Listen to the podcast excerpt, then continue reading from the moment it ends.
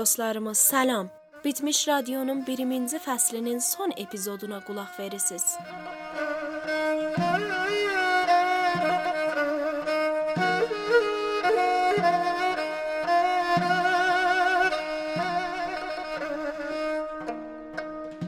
Bu bölümdə Dirsəxanoğlu Boğaz nağılını sona çatdıracağıq və beləliklə bizim 1-ci fəslimiz qurtulacaq.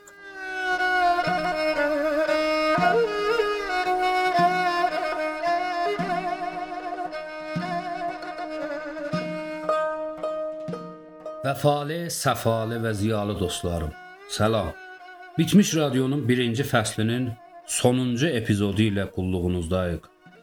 Atalar demişkən, varın verən utanmaz.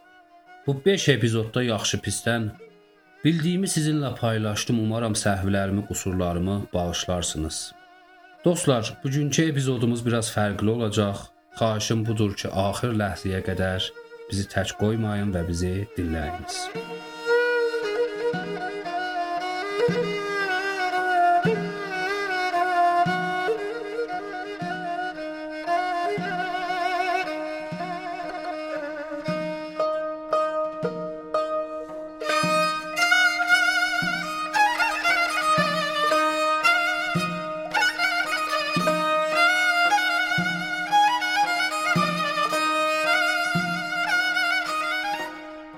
Ancaq dastanımıza qayıtsaq, dastan o yerdən qaldı ki, Boğaçxanın atası, yəni Dirsəxan qopuzunu ələ aldı və səy elədi bu gələni ki, bilmirdi öz oğludu qaytarsın və ona şeirlə, avazla bəzi sözlər dedi və dastanımıza o yerdə qət elədik ki, qərardır. Boğaçxan öz atasına cavab verə.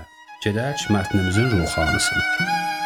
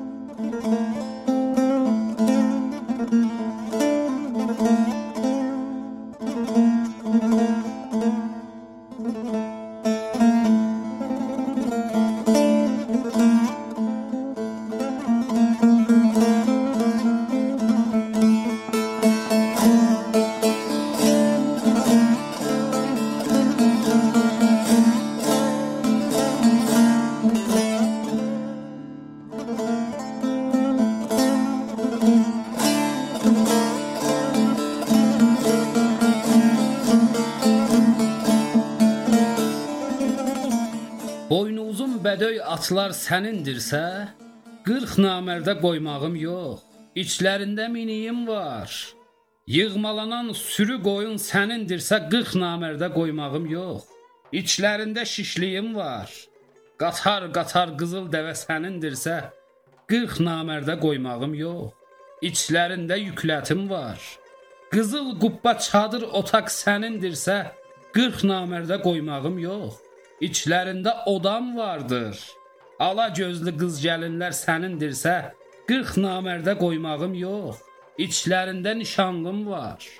Əsir gedən ağsaqqallar sənindirsə, 40 namərdə verməyim yox. İçlərində mənim də bir ağlı şaşmış babam vardır.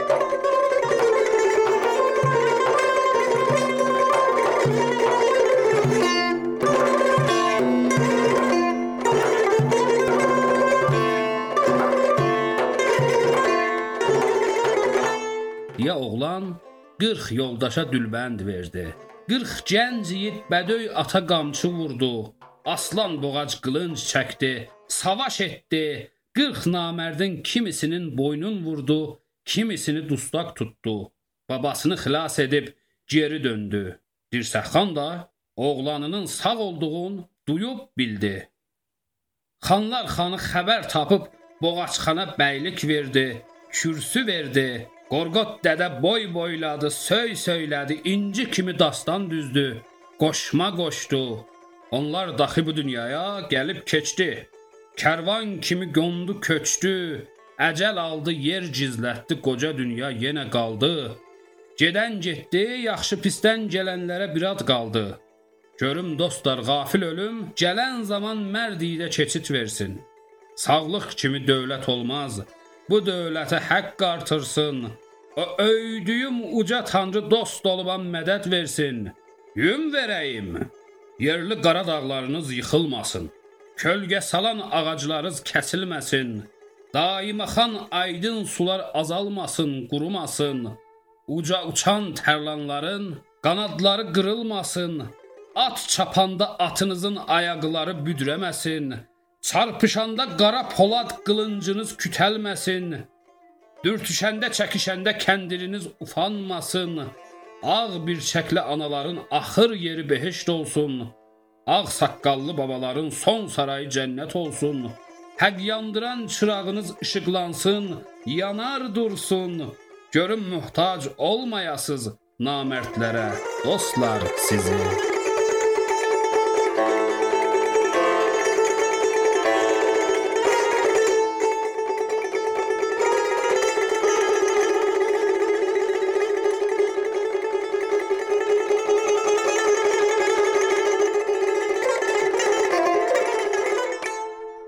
Yaxşı, qaydaq mətnimizin şərhinə.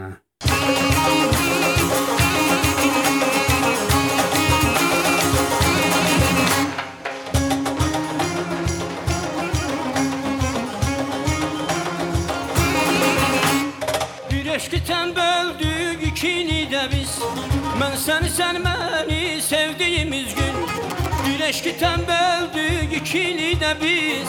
Ben seni sen beni sevdiğimiz gün. Analı yaşadı yetim eşkimiz.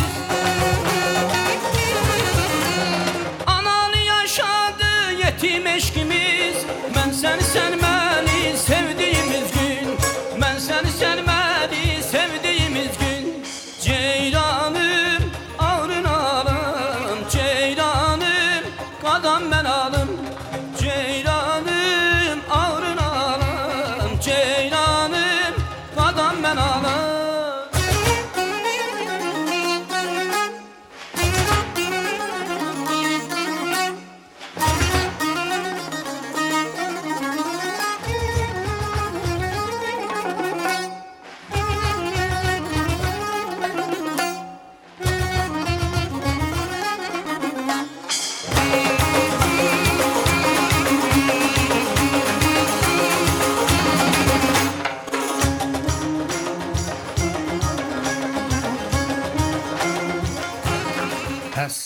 atası dəqiqən nə suallar soruşmuşdu, həmin suallardan istifadə eləyir.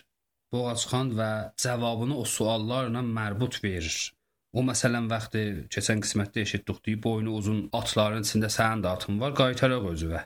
İndi bu da deyir ki, bəli, boynu uzun bədöy atlar sənindirsə, 40 namərdə qoymağım yox. Qoymayacağam o 40 namərdə aparsın. İslərində miniyim var, səvarı atım var, səvarı heyvanım var. Yığmalanan sürü qoyun sənindirsə, yağmaya gedən qoyun gəllələri sənin olsa, verməyəcəm 40 namərdə aparsın. İslərində şişliyim var. Yenə qatar-qatar qızıl dəvə sənindirsə, 40 namərdə qoymağım yox. İslərində yüklətim var. Tozih vermişdim. Yüklət yəni bari. Qızıl qubba çadır otaq sənindirsə, qırmızı qubbalı çadırlar, otaqlar sənin olsa, əgər sənindir, 40 namərdə qoymağım yox. İçlərində odam vardır, otağım vardır. Çadırla otaq bildiyiniz kimi elə farsıda da işləyir. Ala gözlü qız gəlinlər sənindirsə 40 namərdə qoymağım yox, içlərində nişanlım var. Cinə haman sözlərdir. Əsirgədən ağsaqqallar sənindirsə 40 namərdə verməyim yox. İçlərində mənim də bir ağlı şaşmış babam vardır. Ağlı şaşmış ya ağlı çaşmış ya ağlı saçmış, yəni ağlı pərakəndə olmuş, ağlı başından uçmuş, saçmaq feilidir demək olar. Və bundan saçma kəlməsi də düzəlib ki, saçmalar əsləhədən saçılar. Bəli, bunu deyə oğlan, bu sözləri deyə oğlan 40 yoldaşa dülbənd verdi. Dülbənd vermək kinayə az əsəbani şodəndir. Əsəbaniyyətdən kinayədir. Vəli ləfzən dülbənd başa bağlanılan nazik parçadır ki, alnın demək olar qabağına bağlayırlar. Gülbənd verdi 40 gənc yiğit bədöy ata qamçı vurdu, aslan boğac qılınc çəkdi, müşəxxəsdir, savaş etdi, 40 namərdin kimisinin boynun vurdu, kimisini dustaq tutdu, babasını xilas edib geri döndü. Dirsəxan da oğlanın sağ olduğunu duyub bildi. Bildi ki, oğlu sağdır və bu cəng eləyən, buna nicat verən öz oğludur. Xanlar xanı xəbər tapıb Boğazxana bəylik verdi, kürsü verdi. Bunları danışmışıq keçən epizodlarda. Qorqud dədə boy boyladı, söy söylədi.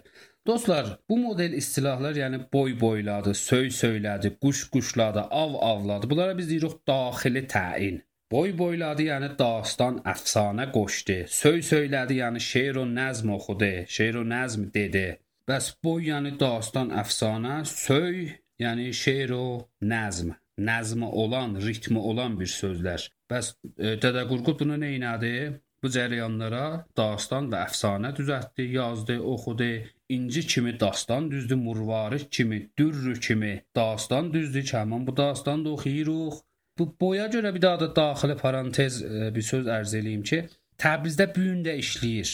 Biri danışanda deyir, "Baba, boy demə görək." Yəni dastan demə, özündən söz qoşma. O cinə qalır ki, "Ağa, mənə boy demə." Qeydaq cinə mətnimizə inci kimi dastan düzdür, qoşma qoşdu. Qoşma bir növ şeiridir. Türk ədəbiyyatında ən yaygın qaliblərdən biridir ki, 11 hecalı misrələrdən ulaşır və ənva əqsamı qoşmalarımız var. Aşıqlar əksərən qoşma oxuyarlar. Onlar daxil bu dünyaya gəlib keçdi və burada dastanı qutarır və başlayır e, hesab öyüdə, pənd əndərzə, duaya. Bəs deyir, onlar daxil bu dünyaya gəlib keçdi, kərvan kimi qondu, köçdü, əcəl aldı, yer gizlətdi. Kərvan akedi bir lüğətdir. Əsli surəti xarranodur, yəni dəvənin yolu. Bəli, qondu köçdü. Köçmək feilindən kuç kəlməsi, kuç neşini kəlməsi hələ də farsıda işləyir. Gedən getdi, yaxşı pisdən gələnlərə bir ad qaldı, müşəxxəsdir. Görüm dostlar, qafil ölüm gələn zaman mərdidə keçid versin. Keçid yəni məbər, qozərgah, fürsət versin. Qafil ölüm gələn zaman Allah yiğitlərə, dilavərlərə, yaxşı adamlara bir güzərgahı versin, bir fürsəti versin ki, bu qafil ölümün əlindən qaçsınlar. Əcəl bir pişik yolu versin. Sağlıq kimi dövlət olmaz, bu dövlətə haqq artırsın. Elə indi də bu sözü deyirik ki, sağlıq bətər bir şeydir. O övdüyüm uca tanrı, o mədh o sena o tərif o təmcid elədiyim uca tanrı o böyük Allah dost olubam mədət versin. Yüm verəyim. Yüm yəni xeyir dua, duayı nik. Yüm verəyim yəni dua eləyək. Bir dənə söz vardı. Mən Təbrizdə eşitmişəm. Ayrı şəhərlərdən ittilam yoxdur. Şahid orada da işləyir. Deyir biz ölünü yumduq. Behişdə gedir getsin, cəhənnəmə gedir getsin. Yəni biz xeyir duamızı verdik bu ölüyə. Özü bilər indi behişdə gedir getsin, cəhənnəmə gedir getsin. Əlbəttə bəzi adamlar deyirlər ki, bu yümdər. Əslısı budur ki, biz ölünü yuduq, huslu verdik behişdə gedir. Müəllim mən etiqadım budur ki, elə bunun əsli surəti yum verməkdir. Biz ölünü yumduq. Xeyir duasını verdik behişdə gedir getsin, cəhənnəmə gedir getsin. Yerli qaradağlarınız yıxılmasın, kölgəsələn ağaclarınız kəsilməsin. Ağac numadı nəsl o şəcərədir. Mənzur elə doğrudan bunlarda həqiqətlər o məcazi mənalarda nəzərdə tutaq.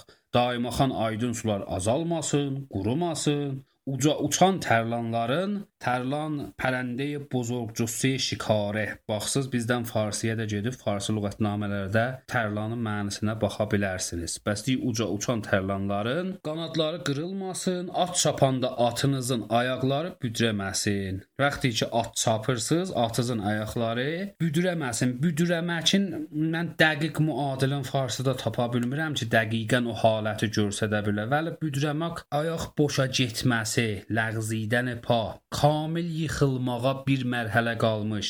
Təqribən demək olar ki, farsıda buna deyirlər sekəndəri xordən. Bəs deyə at çapanda atınızın ayaqları büdrəməsin çarpışanda, yəni dava eləyəndə, cəng eləyəndə qara polad qılıncınız kütəlməsin, müşəxxəsdir. Polad lüğətinə görə dostlar, mən bir iki mənbəyə baxdım, gördüm alimlərin çoxu yazıblar Yunani bir lüğətdir Polad. Və bəzi dostlar da deyirlər türkü bir lüğətdir pullatmaq feilindəndir. Bəli, mənim qəti özümün bir nəzərim yoxdur. Oxuduğum ərz elədim xidmətinizə. dürtüşəndə, çəkişəndə kəndiriniz ufanmasın. Kəndir uzun bir neyzədir ki, bununla zəng eləyəndə o neyzəni qoyarlar qoltuğun altına və uzaqdan düşmənə vurarlar. Düşmənə dürtərlər, düşmənə soxarlar. Uzun bir neyzədir. Həttəmən filmlərdə görmüsüz. Deyilir ki, əsli surəti bu vacənin göndüründür. Ki həmin olur nə mənə neyzəyə deraz. Deyir ki, ondan istifadə eləyəndə o ufanmasın. Ufanmasın, yəni qıssalmasın. Ağ bir şəkli anaların axır yeri behişt olsun. Behiştin türküsü olar uçmaq. Cəhənnəmə də Tamu ya damu deyiblər türkülər. Deyirlər filan kəs damudan ot qapır. Bu hələ bu ata-baba sözü cinə işləyir, bu məsəl cinə işləyir ya. Divanda fikir edirəm gəlibdi ki, damu qapısını açar tavar. Yəni rişvə cəhənnəmin qapısını açar. Bu cür bu məzmunda da bir söz divanlığa türkdə gəlib rəhmətli Qaşqərinin divanında. Bəs ağ bir şəkli anaların axır yeri uçmaq olsun, behişt olsun. Ağ saqqallı babaların son sarayı cənnət olsun. Cənnətdə akedi bir lüğətdir. Həq yandıran çırağınız işıqlansın, yanar dursun. Müşəxxəsdir görün möhtac olmayasınız namərdlərə, dostlar sizi. Çox sağ olun məni dinlədiniz. Vəli bərnaməmizin hələ idaməsi var. Bir qıssa musiqi eşidib yenə qayıdaq.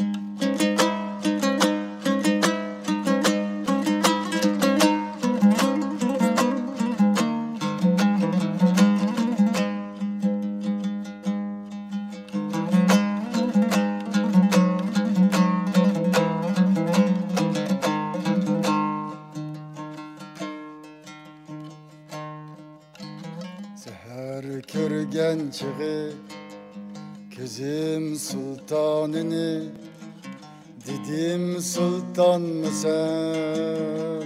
O dedi yak yak Seher körgen çığı Kızım sultanını Dedim sultan mı sen?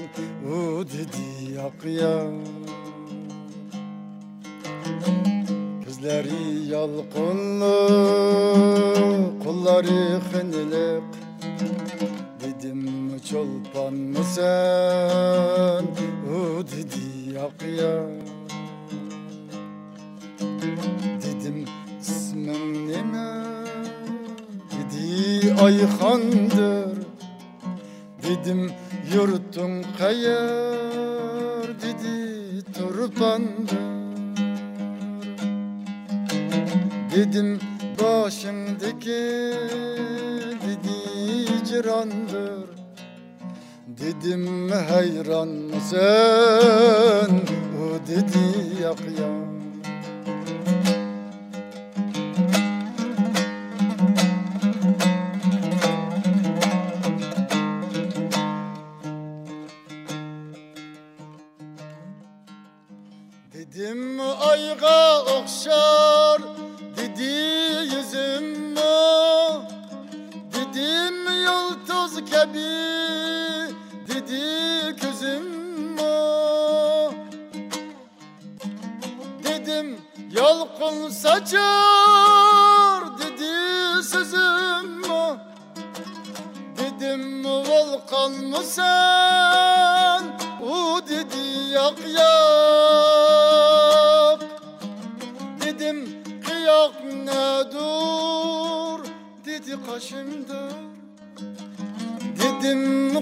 kunduz ne dur Dedi saçımdır Dedim on beş nedir? Dedi yaşımdır Dedim canan mı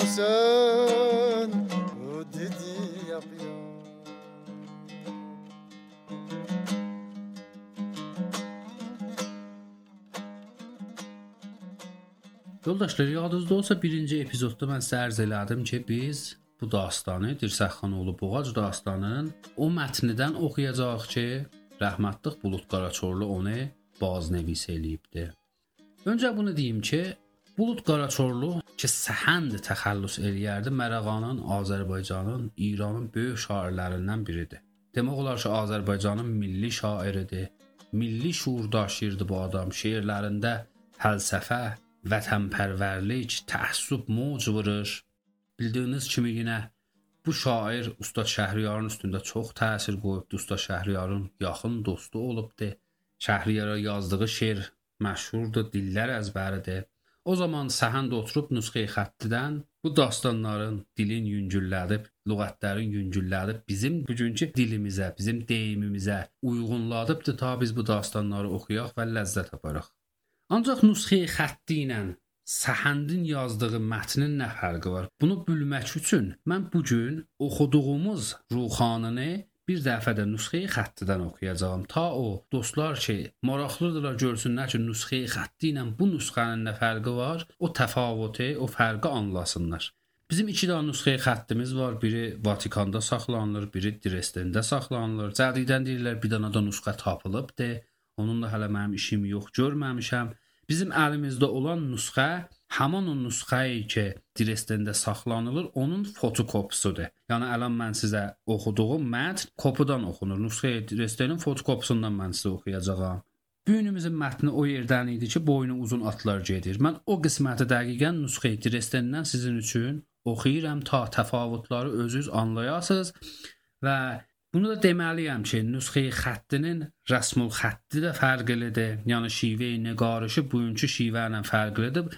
Çünki siz bunu mən fəqət oxuyuram, eşidirsiniz, görmürsüz. Ona görə mən ay Azərdən xahiş eləyəcəyəm ki, bu qismətin əksini salıb saytımıza qoysunlar ki, o dostlar ki, istər görsünlər o zaman bunun nəhvi nigarışı necür idi, oradan yaxından özləri görüb anlasınlar. Ancaq qaydaq nüsxə Dresdenə o qismət ki, bu gün oxumuşuq, onun ruhanısını mən bir daha sizin üçün bu nüsxədən oxuyum. Boynu uzun bədöy atlar gidərsə sənin gidər. Mənim də içində binidim var. Qomağım yox qırq namərdə. Qeytibanda qızıl dəvə sənin gidər. Mənim də içində yüklətim var. Qomağım yox qırq namərdə. Ağayılda tümən qoyun sənin gidər. Mənim də içində şişlikim var. Qomağım yox qırq namərdə. Ağ yüzlü, ala gözlü gəlin sənin gidərsə mənim dəxi içində nişanlım var. Qomağım yox qırq namərdə. Altun başlı ban evlər sənin gidərsə, mənim də içində odəm var, qomağım yox, qırq namərdə. Ağ səqqəlli qocalar sənin gidər, yenə mənim dəxi içində bir əqli şaşmış biliki yetmiş qoca babam var, qomağım yox qırq namərdə dedi. Qırq yiğidinə dülbənd saldı, əleylədi. Qırq yiğid bədöy atın oynatdı, oğlanın üzərinə yığına qoldu. Oğlan qırq yiğidin boyuna aldı, ət təpdi, cəng savaş etdi. Kiminin boynun urdi, kimini tutsaq eylədi, babasını qurtardı. Qayıtdı geri döndü. Dirsəxan burada oğlancığın sağ idukin yenə bildi. Xanlar xanı oğlana bəklik verdi, təxt verdi. Dədəm Qorqud boy boyladı, soy soyladı. Bu oğuznaməyi düzdü, qoşdu, böyle dedi.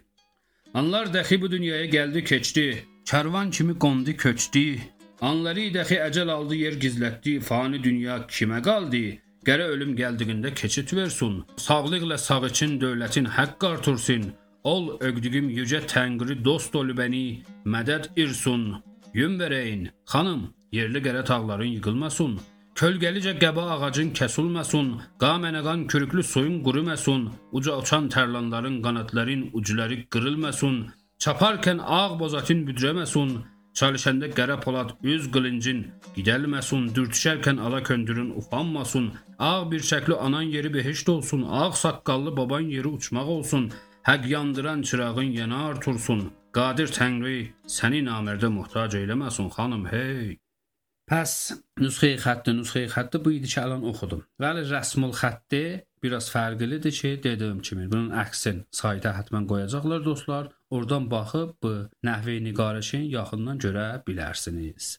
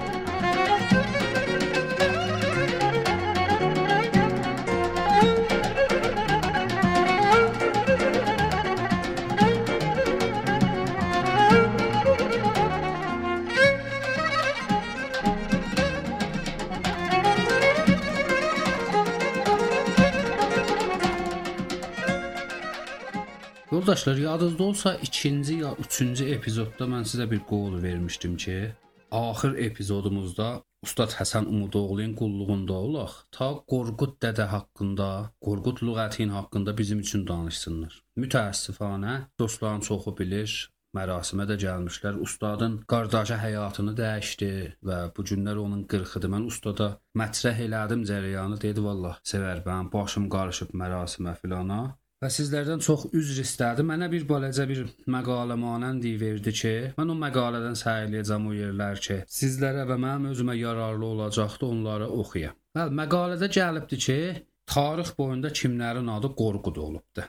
Əvvəlində bir cür gəlir ki, 11-ci əsrdə Oğuz sərkərdələrindən birinin adı Qorqud olmuşdur.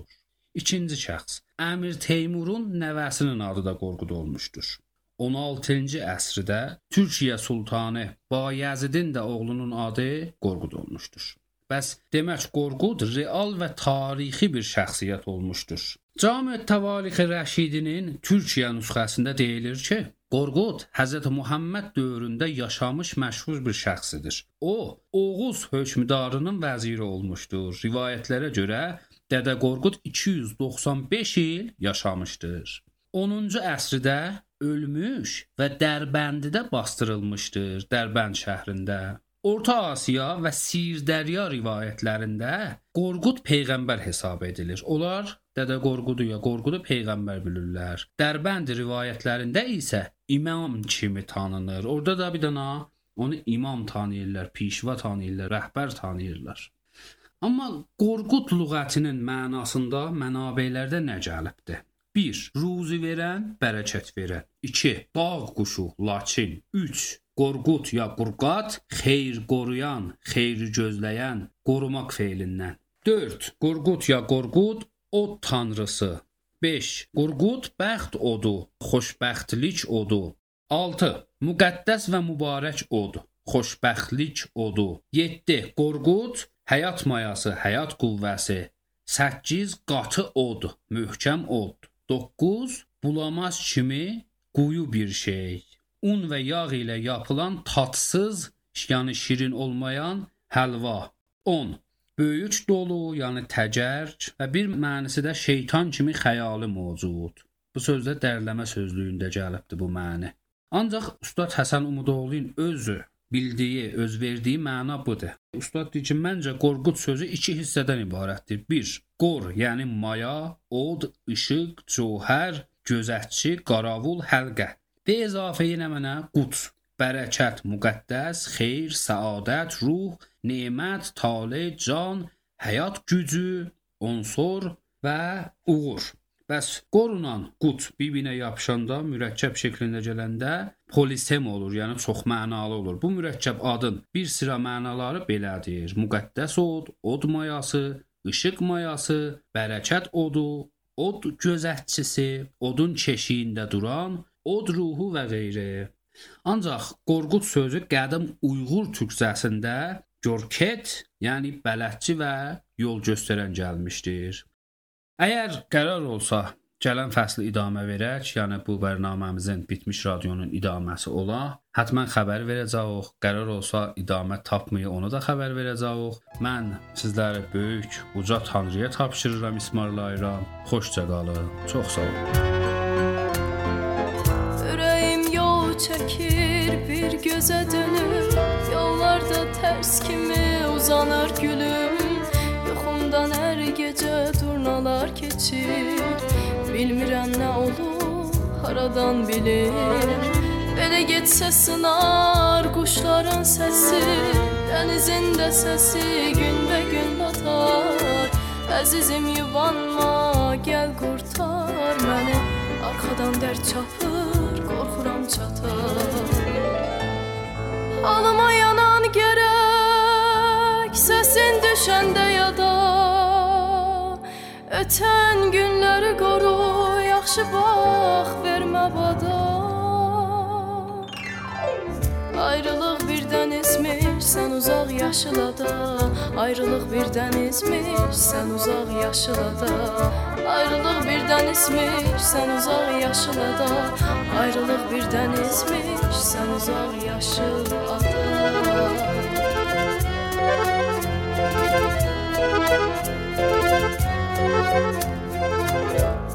xəbər yolla, görüm necəsən. Gözlərin necədir, yerişin necə? Yaman darıxmışam mən səndən ötrü. Bar bir soraq ver, özün gəlincə. Yerini bilmirəm, bilsəm gələrəm. Könlünü alaram, sevərəm yenə. Xəzərin dumana Qara şanı büküb gətirirəm sənə Alıma yanan gərək Səsin düşəndə yada Ötən günləri qoru Yaxşı bax, vermə bada Ayrılıq birdən ismiş, sən uzaq yaşılada Ayrılıq birdən ismiş, sən uzaq yaşılada Ayrılıq birdən ismiş, sən uzaq yaşılada Ayrılıq birdən ismiş, sən uzaq yaşılada